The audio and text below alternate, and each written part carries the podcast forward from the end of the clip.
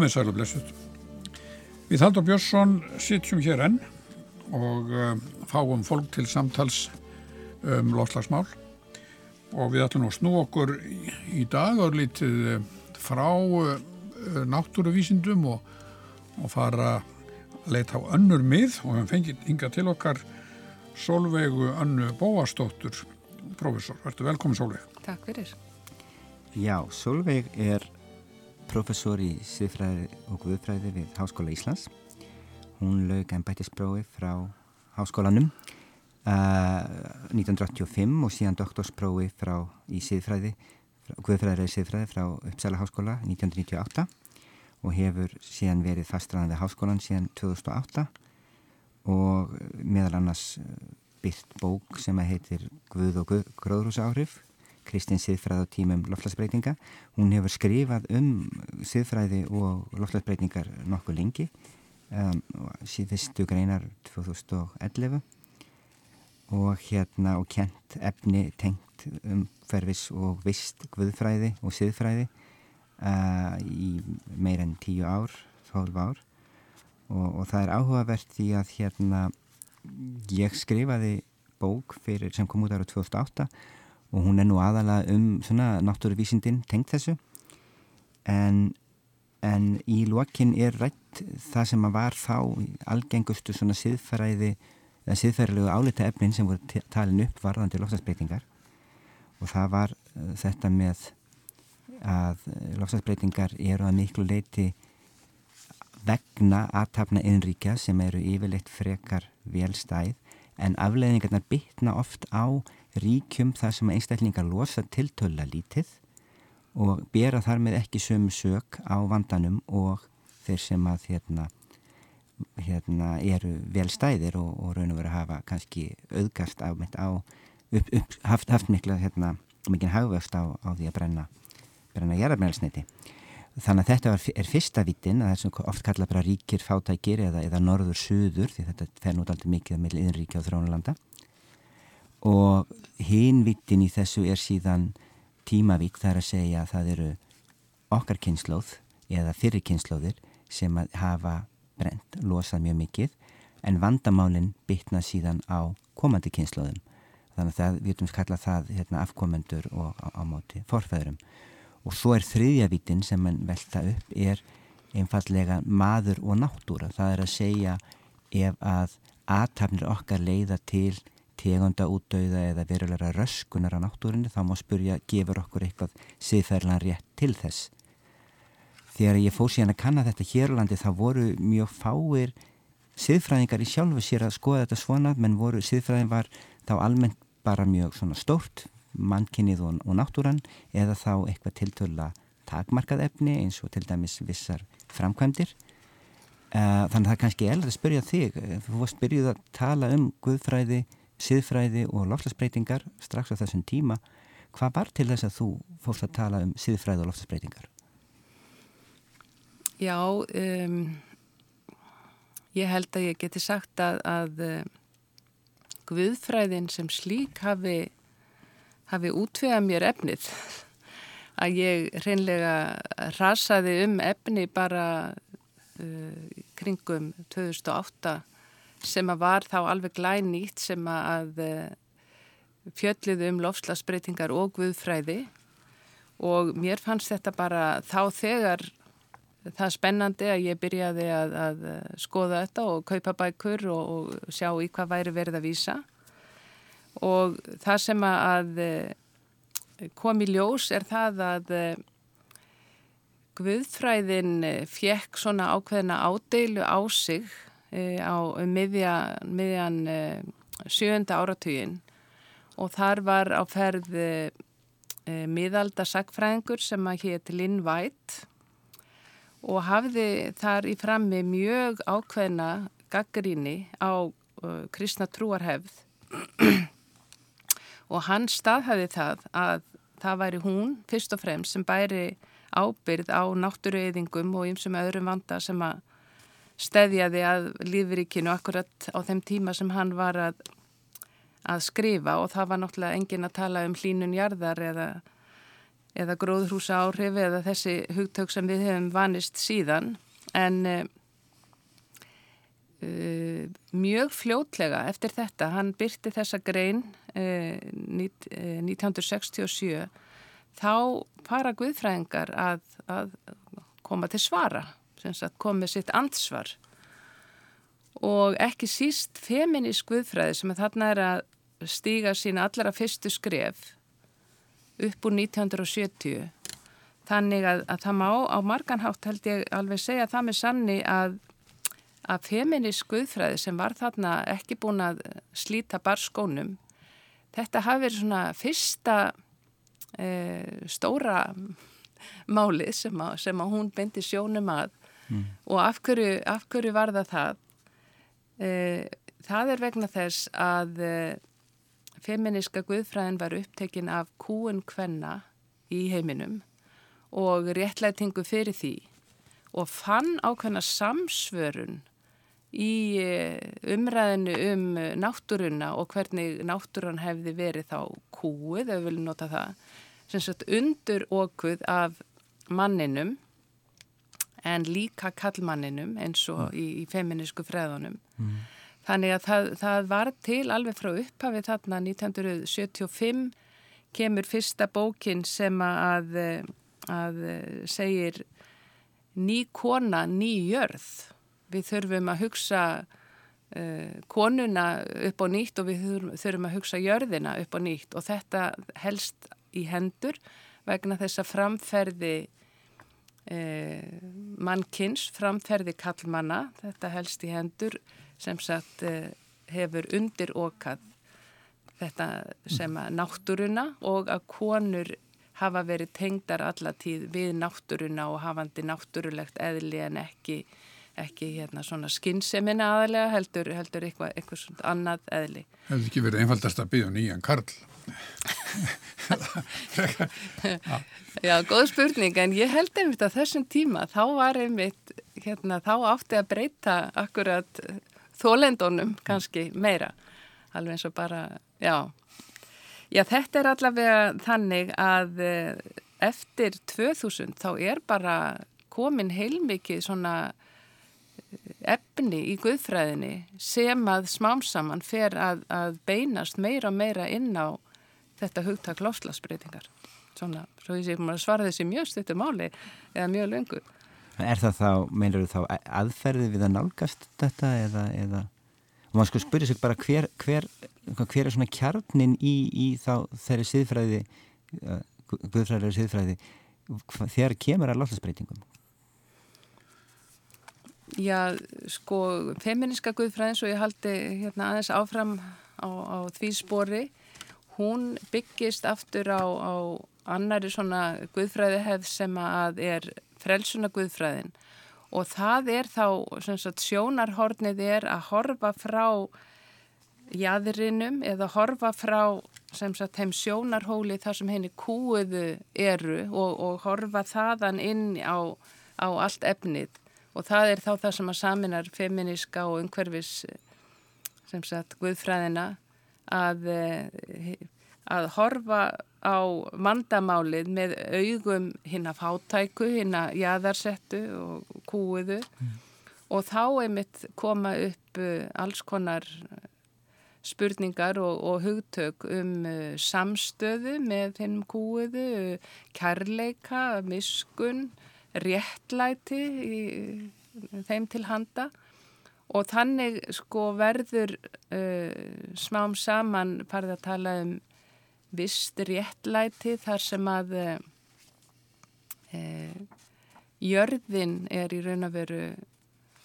er, er líkt við hinn að fátæku og, og jæðarsettu mm. sem að þarf uppreysn og þarf sem sagt að, að hérna, endur, það þarf að bara að endur skapa alla, alla hugmyndir um náttúruna, um lífríkið, vistkerfið, öll, öll þessi hugtök koma þarna bara inn í belg og byði? Nú sko, það, sjálf sem má þá segja sko að ef við byrjum með þessar, þessar greiningu sem ég var ræðin það sem við tölum um sko ríkamótu fátækum og, og svo tíman, kynnslóðir og, og svo lóksins menn og náttúru þá er raunverð þetta búin að sameina það er mjög eðlert að sko skilja að, að, að kirkjur geti haft og, og trúabröð samúð eða auðvelt með að nálgast þetta með ríkamóti fátækum því að það er réttlætismálur mjög oft svona gegnum gangandi í, í, í siðfræði og við sjáum það bara í fjallaræðan og fleiru. En hérna en,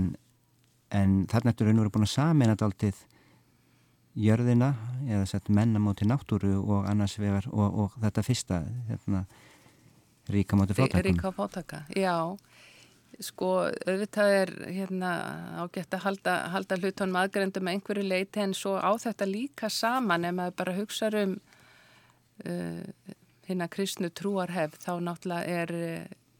er þar gríðarlegt orðfæri og, og hugmyndir í allir í biblíunni um sköpunaverkið sem að er, er, við getum þá kallað vistkerfið eða, eða bara í, í heilsinni á, á annars konar máli og, og þetta er kannski það sem að allavega guðfræðingarnir hérna, settu fingurinn mest á þegar þeir voru að reyna að svara White mm. um það að uh,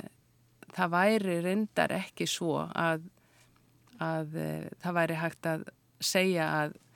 í hennum vestræna kristna heimi hefði verið nýðst á náttúrunni frá upphafi og, og það mætti skrifa á á einhvers konar bara kristna guðfræði mm. eða eitthvað slíkt og hvernig hún hafi verið tólkuð og yfguð heldur, heldur menn því fram með miklum rökum að það sé ekki fyrir en um siðbreytingu sem að helst líka svolítið í hendur við bara nýjar hræringar í, í hérna svona evróskum hug, hugmyndaheimið með innkomu nýra hugmynda um mannin og heiminn og það sem að, að þetta helst allt í hendur þannig að það er þá allavega cirka 500 ár en ekki 2000. Já. Það er reyndar áhugavert sko fyrir, allavega fyrir mig sem náttúruvístamann þá, þá hljóma þetta nú allavega gaggríni White sem þú minnist á hún uh, svona einhverju leiti finnst mér hún ekki alveg nóg að vera ígranduð því að ef maður bara skoða sögu náttúrunar og hvernig menn hafa meðhaldið náttúruna þá er það miklu eldra en nokkur trúabröð sem við vitum um að við höfum verið að valda tjón í náttúrunni. Þá bara nefna þegar að menn komu til Ameríku þá var þar mikil tegunda döiði maður segja eiginlega um allar eigjar sem að frumstæðir eða einhver ættbalkar hafa komið út í menni fyrsta skipti þar verður mjög mikil umbreyting uh, gerðan tegunda döiði sem fylgir stóra tegundur og hlera þannig að þessi hugmynd um að, að sko einhver tíman hafi verið eitthvað voðalega svona reynd og tært ástand þar sem að menn hafi verið í samræmi við náttúruna og svo hafið hún einhverju vondir kallar komið og, og tekið sér til eða vond fólk og, og hérna farið að gera eitthvað allt annað hún raun og veru stennst ekki skoðan þetta verist nú freka að vera bara hvort mann hafi haft mátt til að gera eitthvað sko. Mann hafi valdið því tjónu sem þeir gáttu svona svo lengi sem það fór ekki alveg með það sjálfa sko. Já, ég skil. Og, og það held ég að hérna, já það getur alveg staðist. En, en er ekki í, í, í bókðinni Solveiganna Guð og gróðurhús áhrif Kristins Siðfræð á tímum lofslagsbreytinga sem kom út 2017 þá eh, rekur þú einmitt þessa gaggrinni Lins og þú þýðir þarna kapla eftir Elizabeth Johnson. Þar sem í rauninni verða glíma við þessa eh, einhverju leiti þessar tvær sköpunarsögur. Þar að segja að, að þessa hugmynd sem hefur fyllt eh, gíðinkristni allar götur um að, að maðurinn sé hinn eigi að vera drottnari annara tegunda og náttúrunar svo hins vegar hugmyndin um ráðsmannin eða það hann eigi að fara vel með sko, en síðan ymitt af því hún nefndi stiðbreytinguna svo verðist vera samkvæmt þessu að, að það hafi já hugmyndasögulega þá hafi áherslan til dæmis í mótmælandi guðfræði færst mjög yfir á samband manns og guðs já. og náttúran í rauninni orðið útundan sem hún hafi ekki verið í fornöld og miðöldum. Já, það, þannig eh, les ég mjög marga guðfræðingar sem fjalla um þetta en, en sko bara til að fyrirbyggja allan miskilning þá, þá korki ég eða held ég nokkur annar myndi taka svo djúft í árin að skrifa einhverjar breytingar eins og, eins og þessar einhvern veginn alfarið á einhverja hugmyndafræði? Já, einhverja hugmyndafræði. Það auðvitað, hlýtur að vera miklu, miklu, miklu flóknara en það. En það er þá spurning hvort að e, það væri þátt að segja að, að með svona með því að vísa í til að réttlæta gerði sína þegar þess þurfti Já. og eitthvað slíkt að þá auðvitað megi nota hugmyndafræði til þess. En að hugmyndafræði einn og sér geti stýrt og, og breytingum og, og, og getur held ég sé allt og einfalt. Og svo er líka allt of einfalt að að taka þá trúar hugmyndir sem við getum kallað svo sem er reyndan mjög flókið að vita hvað við eigum við með, hvað eru nákvæmlega trúar hugmyndir og hvað ekki þá. Taka það einhvern veginn og, og einangra og, og taka það út úr sínu sögulega og hugmyndasögulega samhengi. Mm, mm. Þannig að við getum auðvitað ekki glemt eh, hérna, arfi upplýsingar og, og fyrst og fremst módernismannum sem að hvernig þetta allt helst í hendur. Já. En þetta sem þú segir um þessar tvær eh, sköpunarsögur, þá getur maður sagt að það er alveg dæmigert fyrir, fyrir hvernig menn eru svona að vinna með trúar arfin, ef við segjum mm. það, að eh, menn hafna þá fyrri sköpunarsögunni og segja að þetta er ekki lífanleg saga að, að einhvern veginn að gera manneskuna og þar með mannkina einhverjum drottnara yfir mannkinni. Lífanlegra er að líta... Náttúrinni. Já, yfir náttúrinni og hérna lífanlegra væri að líta á uh, hérna ráðsmanns hugmyndina þar sem að maðurinn er settur til að gæta í aldingarðinum, sem sagt að gæta að og hlúa að. Og þetta eru þetta bara tvær hugmyndir sem að mætti vísa til til að réttlæta hlutinni ekki endilega að segja að, að þær hafi haft slíkan mátt að þær hafi bara stýrt sögunni. Mm. Það er náttúrulega gengur ekki. En, en gengur þú ekki lengra, Sólugana, í þessu? Það er að segja, sko, báðar þessar hugmyndir í rauninu byggjast á því að það séu eðlis, það séu eðlis munur á manni og náttúru. En ert þú ekki að tala um í að, að Guð hafi skapað bæði mann og náttúru og þess vegna sé náttúran sko náungi mannsins og sé í rauninni það sé, þetta samband sé eiginlega kvorki það að, að aðræna og, og nýta eða drotna yfir, nýja heldur að, að vera ráðsmaður yfir með verði að eh, bara bera virðingu fyrir náttúrun eins og hún á hennar fórsendum líka. Jú, ég hef sko aðhylst uh, þá skoðun sem að er mjög algeng en, en við finnum að átta okkur samt á því hvað þetta getur verið stórt og viðfæmt felt og það er ekki þannig að allir sé endilega sömu skoðun þar. En það er ymmit að, að e, horfa til bara nútíma náttúruvísinda og, og, og skoða líka þessar trúarlegu hugmyndir um, um sköpunarverkið og að líta þannig á að við séum öll sam sem sagt í sami mengi mm. bara öll, allt, allt lífríkið sé í raun og veru þann... Við séum þá fram með bara hluti að náttúrulega ekki einhvern nátt aðskilin frá já. henni og það er auðvitað heilmikið breyting eh, getur við auðvitað sagt að, að, að manneskjan hefði trúlega ekki farið fram með slíku ofhási oft á tíðum eh, nema af því að hún hefur litið á náttúruna sem forðabúr og ráefni til þess mm. að, að, að koma sem sagt að hagsínum betur fyrir borði í heiminum þannig að ég held að, að það sé það sé bara mjög mikilvægt að, að þessi breyting verði mm. og hún geti þá verið vörn fyrir lífrikið allt og visskerfi þegar við lítum á okkur sem bara hlutmengi í, í hennu stóra visskerfi þar sem allir hafa hlutverkja gegna. Mm. Það er annað að því að við erum svona búin að ræða bæði hérna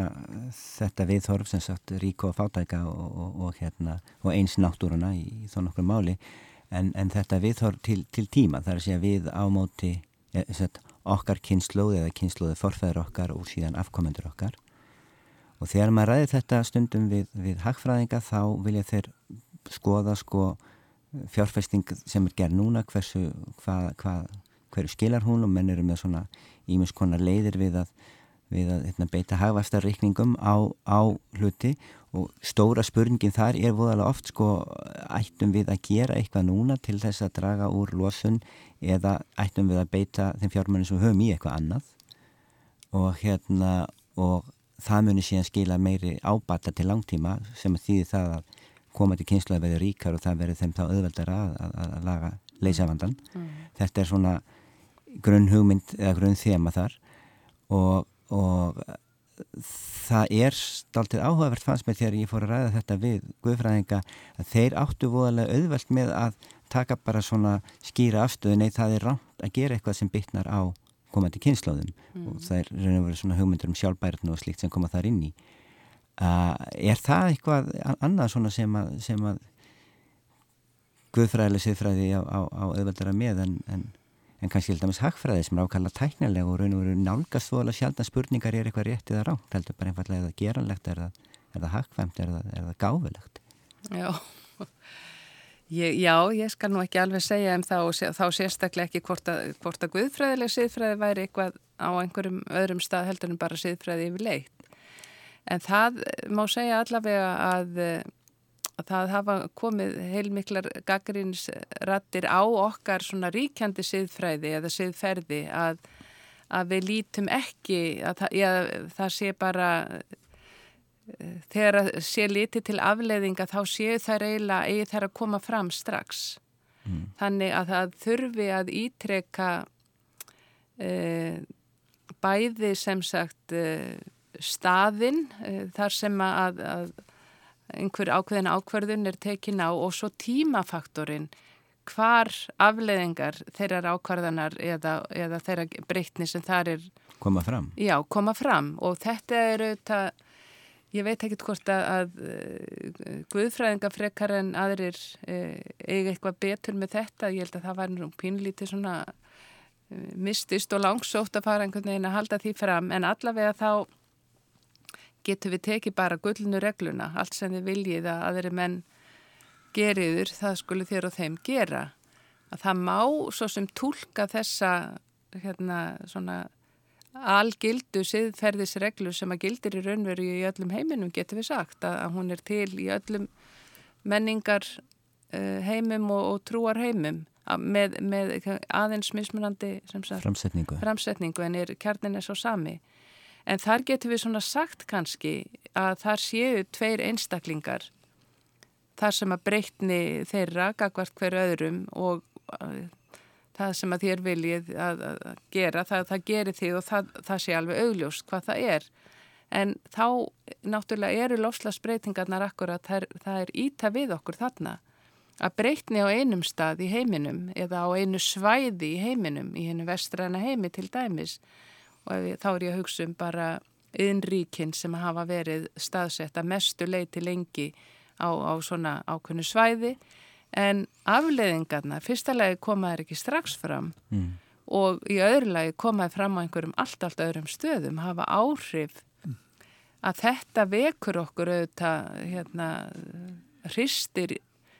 hristir í, hérna, við okkur og, og að við skoðum hvort að við séum of einhvern veginn eh,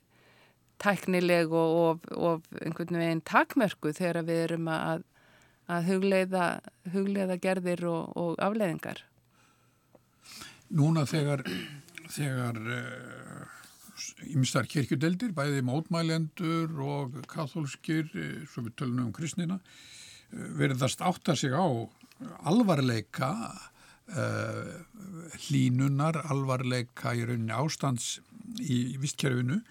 og hafa komið fram uh, með ymsar viðvaranir á, á síðustu árum. En er ekki svolítið kannski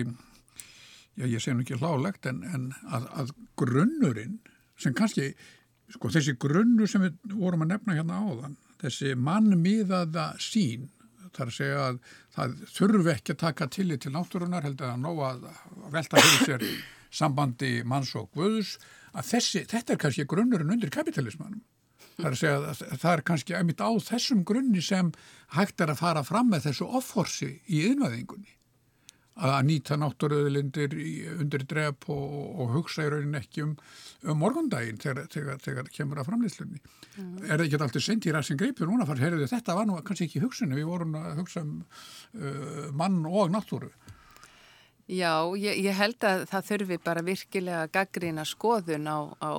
all, alla guðfræði eins og bara öll önnur fræði og ég held að það, eða það er auðvitað ekki þannig að allir séu samanlátt langt, langt í frá en mjög margir eru samála um það að, að guðfræðin hafi verið allt og mannlæg eða mannmiðlæg og hafi snúist allt og mikið um þetta samband mm. og það er hægt að, einmitt, að, að sjá í raun og veru hvena svo breyting svona er að eiga sér stað meira og meira þegar það er farið að líta inn á við og sálu hjálp einstaklingsins í staðin fyrir að maður og heimur eða maður og náttúra blómgist saman og, og, og þjáist saman eins og við eigum svo ótal mörg uh, falleg hérna, dæmi um í biblíinu þar sem því er lýst. Þegar er verið að lýsa kannski þurki eða hitabilgju og þá er ekki bara Eh, maðurinn sem þjáist heldur öll sköpunin þjáist. Þannig að við eigum svona myndmál sem að lýsa annars konar eh, upplifin á þessu. En nú, nú af því þú myndist á, á, á gullinu regluna uh, og það er rétt allt sem að sko hún, hún miðar við milli manna og þú vittnar í, í grein sem þú skrifar í, í, í Þískan siðfræðing sem heitir Jónas. Já, Hans Jónas. Hans Jónas sem að hérna, emitt skoðar dáltið bara siðfræði almennt að bendir á þetta siðfræði er raun og veru afskaplega milli einstaklinga hún hefur kannski ekki endilega víðar í skýrskotun hún er ekki milli einstaklinga og allra náttúrunar eða einstaklinga og ókominni kynnslóða Já, já, hann, hann skrifar þetta náttúrulega á mjög svipum tíma og, og Linn Vætt er að skrifa. Þannig að það er nú tímakort síðan og ég held að menn hafi Hann er afskaplega vel þekkt nafn í, í heimsbyggju og siðfræði og, og, og var mikill um, umhverfis maður. Þannig að ég held að, að orð hans hafi haft mik, mikil áhrif, alveg eins og að, að skrif Linn Vætt höfðu alveg gríðalega áhrif á bara í raunveru algjöra gaggrína endur skoðun á, á um, afstöðu til náttúru og uh, guðsnáttúru og, og, og heims og, og mannsins, stöðu mannsins fyrst og fremst. Þannig að það sem maður heyrir langmest núna í svona, ef ég kalla það bara framsækin guðfræðileg siðfræði, feminisk eða ekki. Það sem maður heyrir eh, mjög mikið er að eh, vandamálið sé að maðurinn þekk ekki sína stöðu í visskerfinu. Mm og orðað á guðfræðilegan hátt innan sköpnaverksins. Og það reyndar áhugavert fyrir nokkrum árum síðan var hér á Arctic Circle fundinum sem er haldinn hér, Ring, Ringborn Norðusins, var, voru aðilar frá, frá Fiji-eigum sem er nú að vísu ekki endilega heimskauta staður en, en hérna þurr komu hingað, voru bánir og þar var erkebiskusmeti Peter Long Choi sem er með talaðu um þetta og áhugavert að því leita það með fannst að það kristallast öll vandamálinn sem ég verið að lýsa akkurat í aðstæðanum á eigunum hans það er að segja umgengni við náttúruna veldur því að sjáaborður að rýsa og hérna það er síðan að hafa áhrif á lífsviðuværi fólks. Sjáaborð reysið fylgjernaflega mesta vandamálið er raun og veru hvað gerist við grunnvatn og, og seltu vandamál sem kom upp þannig að þau hafa áhrif miklu meir en bara svaðin sem að flæða. Á og svo náttúrulega spurningin hvað verður um, um komandi kynnslóðir mm. og hann kallaði þetta hérna í erindi sínu glæp gegn sköpunarverkinu. Já, ég mann eftir því, ég, mjög... ég hlustaði á hann. Já, Já það, er, það er bara hér svona trúarlega orðfæri en í raun og veru bara er engin vandi að, að kalla það bara glæp gegn vist, vistkerfinu Kerfin, eða lífríkinu öllu. Og, og hann og, og fleiri hafa einmitt farið um heiminn og, og sem sagt kallað eftir samstöðu með, með þessum stöðum í heiminum eins og hans þar sem að, að þau verða óréttláttlega getur við sagt fyrir eða fyrstu fórnarlömp e, þessara breytinga þar sem að sem sagt, með hækkandi sjástuði. Já. En það má einmitt þá, af því þú varst nú aðeins búin að minnast á þetta, kannski velta fyrir sér uh, einmitt í aðranda Parísafundarins, þetta var reynda rétt eftir hann, en, en í aðranda Parísafundarins þá sem var haldinn 2015, þá var mjög mikið átak eða, eða um það allavega að, að hinnar ímsu kirkudeildir og, og trúarhópar svona lístu afstöðu sinni í þessum málum og hvertu menn til dáða. Uh, kannski er þekktasta dæmið er, er umburðar bref Páfa, ég vona ég færi rétt með já, já. Sem hér láta tó sí ákvæðilega merkilegt að mörgu leiti ég las það og ég náttúrulega las það aðalega með augum lofslagsmanns þannig ég skoðiði hvað segja hann lofslagsmál og, og kom mér glettilega óvart hvað Páfi var vel að sér um þau mál svo reyndar komst ég nú að því að hann hafði haft nokkuð hævar aðgjafa með sér. En hérna það er svona dæmi um um það að, að, að menn þessi, þessi viðleikn sem þú lýsir að, að hvetja menn til dáða hún skilaði sér í kirkjum allavega til þess að þeir fara síðan að gefa ofnbæra yfirlýsingar um, um þetta. Já, ég hérna, skoðaði þetta mjög vel einmitt í, í kringum og í aðdraganda og eftir og skrifaði grein um það og það var alveg greinilegt að þar, það var gríðaleg vinna sem að var unnin þarna í aðdraganda þessa fundar eh, hausti 2015 og, og voru settar fram sem svona eh, áköll og manifesto og það voru, það sagt heilmikið eh, byrt af efni. Þar sem enn tóku sér saman og, og uh, trúar leitúar og mismunandi e, trúar reyfingar sem að tóku sér saman og, og svona settu, settu fram aðal aðalefnið og í, í gegnum ákveðin kjarnahugtök getur maður þá sagt. Og þar eru í raun og veru þessi þessi efni sem að þú nefndir í upphafi. Það er réttlætis stefið og, og samstöðu stefið að, að við séum öll, mannkinn allt þurfa að standa saman og réttlæti stefið sem sagt gengur eh, meðal annars út á að, að þeir sem að hafi, hafi til þess bolmagn hjálpi þeim sem að hafi minna. Þannig að, að það komi sagt, áherslan á að þeir sem að höllustum fæti standa í, í í veröldinni og verði fyrst fyrir barðinu að þeir fái aðstóð bara frá þeim sem eru ríkastir og aflögufærir og sem eru þá stundum og oft þeir sem að eiga allavega einhverja sög á, á þessu ef, ef við orðum það þannig. Þannig að það var mjög gaman að, að skoða þessa miklu grósk og þessa miklu starfsemi sem þarna áttu sér stað í í kringum þennan fund sem að síni líka hvað, hvað miklar vonir voru bundnar við að þarna gæti mannkinn komið sér saman. Og bara svona kannski líkt og þegar mannréttinda sáttmálinn var loksins í höfna að það var náttúrulega var mikið átak og stóði yfir nokkur ár. Og þetta stóði yfir nokkur misseri að, að undirbúa þetta og vera tilbúið með þetta. Og Páfi náttúrulega með þessu Páfabrefi sem kom þarna í mæ var komið aðeins á undan að alveg eins og þú segir að hann náttúrulega, eh, hann skrifaði hann ekki bara svona einn á kvöldin heldur að það var algjörlega stút fullt af, af eh, vísendalegum staðreindum sem hann hafði látið sem sagt vinna og, og setti þarna saman. Og það merkilega held ég eða eitt af því almerkilegasta við þetta páabref er bóðskapur hans um mannin í lífrikinu sem að ég bara tólka þannig að hann segi það algjörlega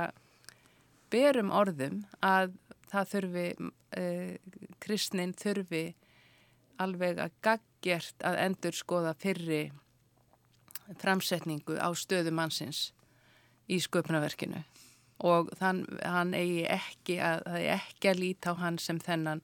drottnara sem geti notaði náttúruna sem, sem tæki til þess að, að hérna byggja upp eigin hagsælt heldur að hann sé hluti í, í, þessu stóra, í þessum stóra mikla vef þar sem allir hafi hlutverkja gegna og, og þannig að það kemur mjög skýrt fram þarna með smér. Nýr, nýr mannskilningur, hreinlega. Já, þannig að það stittist, samkvæmt þessu, þá stittist á milli páfa og, og, og feministkar guðfræðinga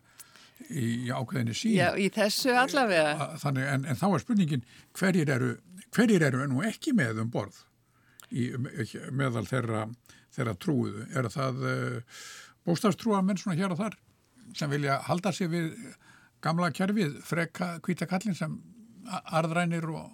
og dreftur og kúa. Færa ráða. Og, og ræður. Já, það er náttúrulega eins og við vitum uh, og ekki síst í bandaríkjanum en örglega víðar, það eru mjög stór hópur sem að sinnir þessu ekki neitt og, og er ekkert þá hrifin að páfa heldur. Mm.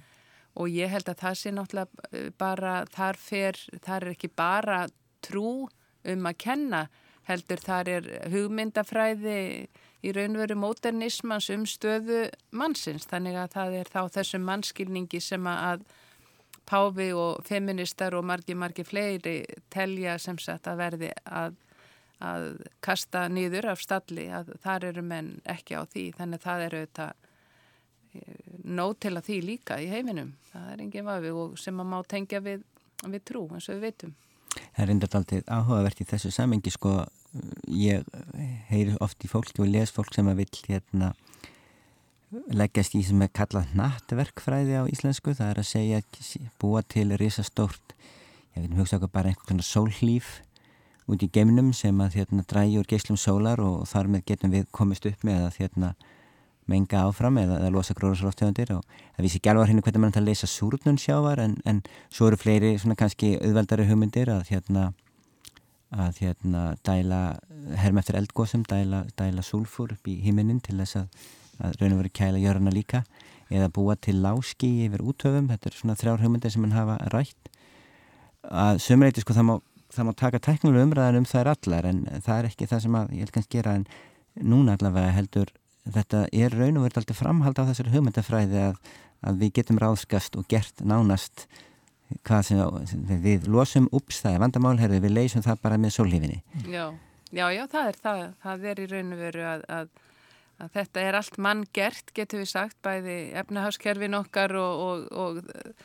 og annað sem að hérna, hefur valdið þessu og þá, þá hérna, ég hef heyrt þetta margsinnis, við munum leysa þetta, það er spurningum tíma. Þannig að ég held að séu margir sem að trúa og vona það. Já, það er kannski ekkert galið að við vunum leysa þetta þó það verði ekki endilega með þessum hérna stórkallalegu leiðum sem ég var að lýsa. Það er samt áhugavert í þessu samengja þegar við tölum aðeins um hérna svona hugmyndasögun og hvernig þetta þróast. Nú minnum að ég hef lesið í mitt bók Páls Skúlasonar um hverfing sögu af því þegar að einhver tíman á miðaldum einhverjir fóru var, var bannað að domstóli að, að, að, að útrýma einhverjum flugum sem voru að ráðast á uppskerður á þeirri fórsendu að hérna náttúran, flugu var hluta náttúrunni og náttúrun hefði líka rétt. Já, það er áhugavert. Mér finnst það ekkit ótrúlegt að hérna menn hafi haft á öldum áður hinn bara rétta skilning á að hvernig þetta alls saman hengi saman hérna í veröldinni að allir hefði eitthvað hlutök sem væri mikilvægt hvort sem væri stóra og smáir. En hvernig fyrir við nú að þessu að, að laga til? Það er að segja, sko, þegar mennir orðnir, þegar mennir orðnir uggandi um framtíðina og meira sem páinn í róm er orðin farin að, að leita til vísindumanna og, og kemur með skinsamlegar álektanir e, og, og í rauninu augu æg fleiri opnast fyrir því að, að vandin er mikil En þá er samt spurningin hvaða, sko sumur verðast nefnilega ímynda sér að bara ef allir verði voðalega góðir og flokkir usla þá verður þetta í lagi. Sko hvernig setjum maður upp í hvaða ótemju þarf að setja beislið? Er það altså, er það hreinlega, er það kapitalismin, er það semst hagkerfið, hagkerfi samtímans eða hvað? Eða er það, er það að treysta á Guðið þessu? Já, það Guð að hjálpa sér því að maður getur byrjað byrja á því. Ég, þetta er náttúrulega mjög áhugavert að lesa uh, marga ólíka fræðimenn til þess að sjá bæði hvað þeir setja fram sem óvinnin eða, eða van, stóra vandamálið og hver væri þá lausnin. Það eru þetta ímislegt í því samhengi en mér finnst að það vera mjög ábyrrandi að að ef það er svo sem við þurfum ekkert að setja ef við, nú er það svo að lofslagsbreytingarnar er að mannavöldum, þá þurfum við þetta að skoða þessi mannavöld. Mm, mm. Það er að segja við þurfum að skoða þessar gerðir manna og skoða líf okkar og aðtapnir og breytni og, og lífsviðhorf og allt sem að viðkemur uh, manneskunni og mannkynni öllu þar með. Og þar náttúrulega teiknar sig upp eitt stórt spurningamerki að, að hvernig virkar manneskjan í raun og veru ef, ef við erum að hugsa um breytingar, hvað mætti verða til þess að einhver ákveður að breyta einhverju, einhverju hjá sér? Mm. og hvað hefur yfirleitt áhrif uh, á, á fólk? Og þessi frábæra bók Andra Snæs uh, sem, sem að það sem hann segi þessa litlu sögu að einhver vísindamæður sem sagði við hans sko þið verðið að hjálpa okkur því að við erum búin að setja fram allar þessar staðreindir og allar þessar vittnesku sem til er en, en það breytst ekkit bara af því, það þarf einhvern veginn að klæða þetta og, og setja þetta fram og setja þetta í búning og, og segja, segja sögur allavega þarna í, hjá andra snæ. Og ég held að, að sko ef ég horfi nú bara á þetta sem að, að ég er þá allavega þekki best sem að er guðfræðileg siðfræði og vist, vist guðfræði í, í því samhengi að þá er fólk þar að gera held ég bara afskaplega svipaðan hlut og Andri Snær er að gera í nýju bókinu sinni. Það, það er að eh, höfða til þess sem fólk þekkir tungutags og frásagna og hugmynda um, um Guð og mann og heim og segja þá sögu í ýmsum búningi og, og sem sagt höfða til e, sið, siðgæðis og siðferðis í gegnum e, sem sagt eitthvað sem fólk þekkir mm. og þá einmitt koma á sögur af, af e, hver Guð er og, og hver maðurinn er og, og svo framvegis. Þannig að, að ég sé bara mjög mikla svona uh, hliðstæðu í, í því sem að, að siðfræðin í, í guðfræðilegu samhengi er að gera og bara Andri Snær er að tala um í, í sínu, í sinni bók. Hmm. Komið nýja frásögn? Já, ekki, nýja, sko, það er að segja með nýju innihaldi en, en í sko þekktu fólk þekkir hérna, orðin og hugtökin og sögurnar mm, mm. þannig að það er svona nýsköpun en, en alveg eins og Pái er náttúrulega að segja eitthvað nýtt en hann er alltaf að tala um Guð og hann er að tala um mannkinn og heiminn og, og, en hann er að tala út frá visthyggju sem, sem að hefur ekki verið áður í í, í páabrifinu og svo getur maður sagt að, að hann kallaði til sín í fyrra eh, efnahagsráð þeirra eh, heimsins og, og, og held einhvern fund í Vatikannu og þar talaði hann við þá einmitt bæði svona nú verði, nú verði þið að fara heim og, og laga þessi manngerðu efnahagskerfi sem við höfum búið til vegna þess að þau leiða til mikill að þjáninga og, og hérna ítæðundir græðki og, og þú veist, hann talaði alveg tæpitungu löst um þetta við þessa Þessi aðila. Þessi aðila. En nú er það mitt sko, kemur kannski að því sem að hefur verið að spörja um hvað, hvað ber að gera uh, er þá ekki líka sko hluti málsins að þú þart emitt að setja, tala við þá sem að það sem að valdið liggur Það held ég sko, það auðvitað er kannski full þörf á því að við öll uh, breytum breytni okkar að einhverju leiti en, en það þarf auðvitað að fara þar sem valdi liggur og, og uh, þá þurfum við líka að ræða það mjög aggrinniðið mitt hvar, hverjir geta, geta breytt og á hverja eigum að setja þrýsting um að breyta. Þú nefndir það heldur hérna í fyrsta þættunum að, að fórstæðans yfir til sögu sko hugmyndanna, vísindalega hugmynda og kenninga um, um, já, um, um, um, um hlínun, hlínun andrúslótsins. Hvernig líður, sko, hvernig líður vísindamörnum þegar við erum komin hérna, þegar við erum komin að hérna, Solveig Önnu og Páan og, og Ímsaðar og Andrar Snæ sem, sem er að, að, að í rauninni að segja, svona, er með puttan á lofti er, sam, er samtalið nógu mikið á milli náttúru, raunvísindamanna og til dæmis viðfræðinga? Öruglega ekki sko, en ég held að sko, það er mikilvægt að hafa í huga að sko vístamenn eiga ekki þetta vandamál. Það er að segja við getum verið sérfræðingar í ýmsum atriðum þess en við verðum líka að skilja það umræðan á að vera víðar og hérna og þess vegna er sjálfsagt að, að, að aðri talum þá og, og ég heyri oft í vístamennum sem að geðvanskast yfir einhverjum smáatriðin sem er ekki nákvæmlega rétt í máli einhvers, eh, einhver smáatriði maður hættar að nefna í til dæmis bók andra um, um eitthvað sem að ég reyndar lasa nú yfir og fóri yfir smáatriðin sem sneraði mér og þau voru öll í góðum málum. En hérna en sko það kemur málun í raun og veru ekki við. Þar að segja umræða innan vísinda hefur oft alltaf mikið annan blæ. Hún er mjög staðreinda hérna rík og, og svona kannski snöyðari af ymsum álíktunum og, og nánast aldrei svona víðum siðfærilegum álíktunum dregnar af þeim. Og hérna það, ef mann tala um það þá er það í einhverju svona álítsgreinum eða eitthvað slíkt. Þannig að, að það í sjálfu sér er fyrsta lagi fullkomlega eðlilegt að aðri taki þessu umræðu og þeir tala á annan hátt en vístamenn eru vanir og vístamenn þurfa bara einfallega að setja sig við að þannig er heimurinn og svo er það náttúrulega líka sjálfsagt að þeir taki þá ef þeir eru ósamálaði hvernig hlutur eru settið fram að þeir taki þá, þá umræðu. Ég hef sagt það áður, mér finnst einna frábærast við bók andra er þessu umræðum tíman. Það er að segja þegar þú tekur saman kynnslóður,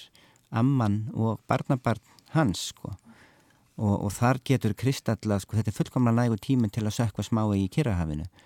í sjáastöðubreitingum þannig að það, það, er, það er mjög merkilegt finnst mér mm. þessi tími hvernig, hvernig hann raun og veru færir þetta sem er tiltöla svona abstrakt hugtak um, um, um mjög mikla langtíma breytinga niður á þetta eru örfávar kynnslóðir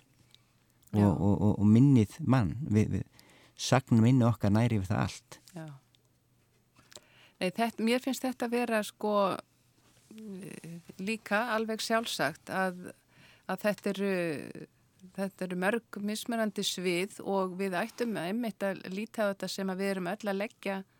okkar að mörgum og, og leggja saman en ekki að einhver sé að segja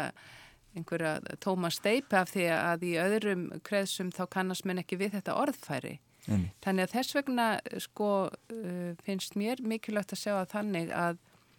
að hvað sem að líður uh, þeim sem að vilja halda því fram að, að, að trúsi einhvern veginn út úr uh, kortinu og, og út úr allri mynd vegna, vegna þess að hún sé svo óvísindalega eitthvað, þá er bara langstæstur hluti mannkins hér á jörð trúaður í einhverju merkingu og það þekkir þá sitt trúarlega uh, orðfæri mm. og það er það sem að þessi kristnu sem að ég hef verið að leggja mig eftir er að gera að þeir eru að tala við fólk sem að skilur þetta mm. og, og þessar hérna yfirlýsingar í aðdraganda Parísafundarins gengu út á það þeir sögðu við það, við börum öll mikla ábyrð og, og, og hver axli sína og við skulum sjá til þess að reyna að tala við okkar fólk mm. Og að það verði ekki þessi hérna óupplýsta orðræða um lofslagsbreytingar heldur. Við munum koma með vísindin en við munum reyna að uppfræða og tala við okkar fólk. Mm. Og ég menna okkar fólk, þetta er kannski hérna, aðeins hérna, sett í stílinn hjá mér eins og það sé ykkur okkar fólk, en þetta fólk sem skilur þetta. Já. Og hérna það er kannski áhugaverð þá í tengsluverða því uh, minnst ég ráður á að flokka plast og, og, og gera svona lifa, það er kallað ábyrgu lífi sko. Og líka það að við þurfum að svona setja vandamáli þar sem að valdi liggur. En þá er það kannski líka mjög mikið að hafa í huga sko því þú ert búin að gera það þá ertu raun og verið að fara fram á að valdhæfnin gera eitthvað sem getur verið óþægilegt. Og þá er kannski ágætt að vera einmitt búin að taka þá ákverðun að þú ætlir að lifa eftir einhverjum svona öðrum siðferði reglum að þú hefur gert hinga til mm. af því að þú ert á að segja ég mun, ég mun vera rauðbúin að taka á mig einhver óþægindi fljúa minna eða, eða, eða breyta mínu lupnaðarháttum með einhvern annan hátt Já við getum tekið undir þetta Já, ah. já, já algjörlega, algjörlega. Vandin er náttúrulega þetta þegar við vorum að tala um andra snæ það er þetta með söðið að þetta verði ekki bara þetta söð við þurfum náttúrulega vísindamenn og, og guðismenn af ímsum starfum og gerðum þurfa náttúrulega að mynda hann að kór þetta suði breytist í fagrann söng sem yfirvöld verða að taka marka minnstakosti fjórata minnstakosti fjórata eins og hefðum haft Já, takk fyrir í dag. Solveig Anna Bóastóttir. Takk þér kærlega fyrir að ræða við okkur Haldur Björnsson. Takk fyrir mig. Takk fyrir.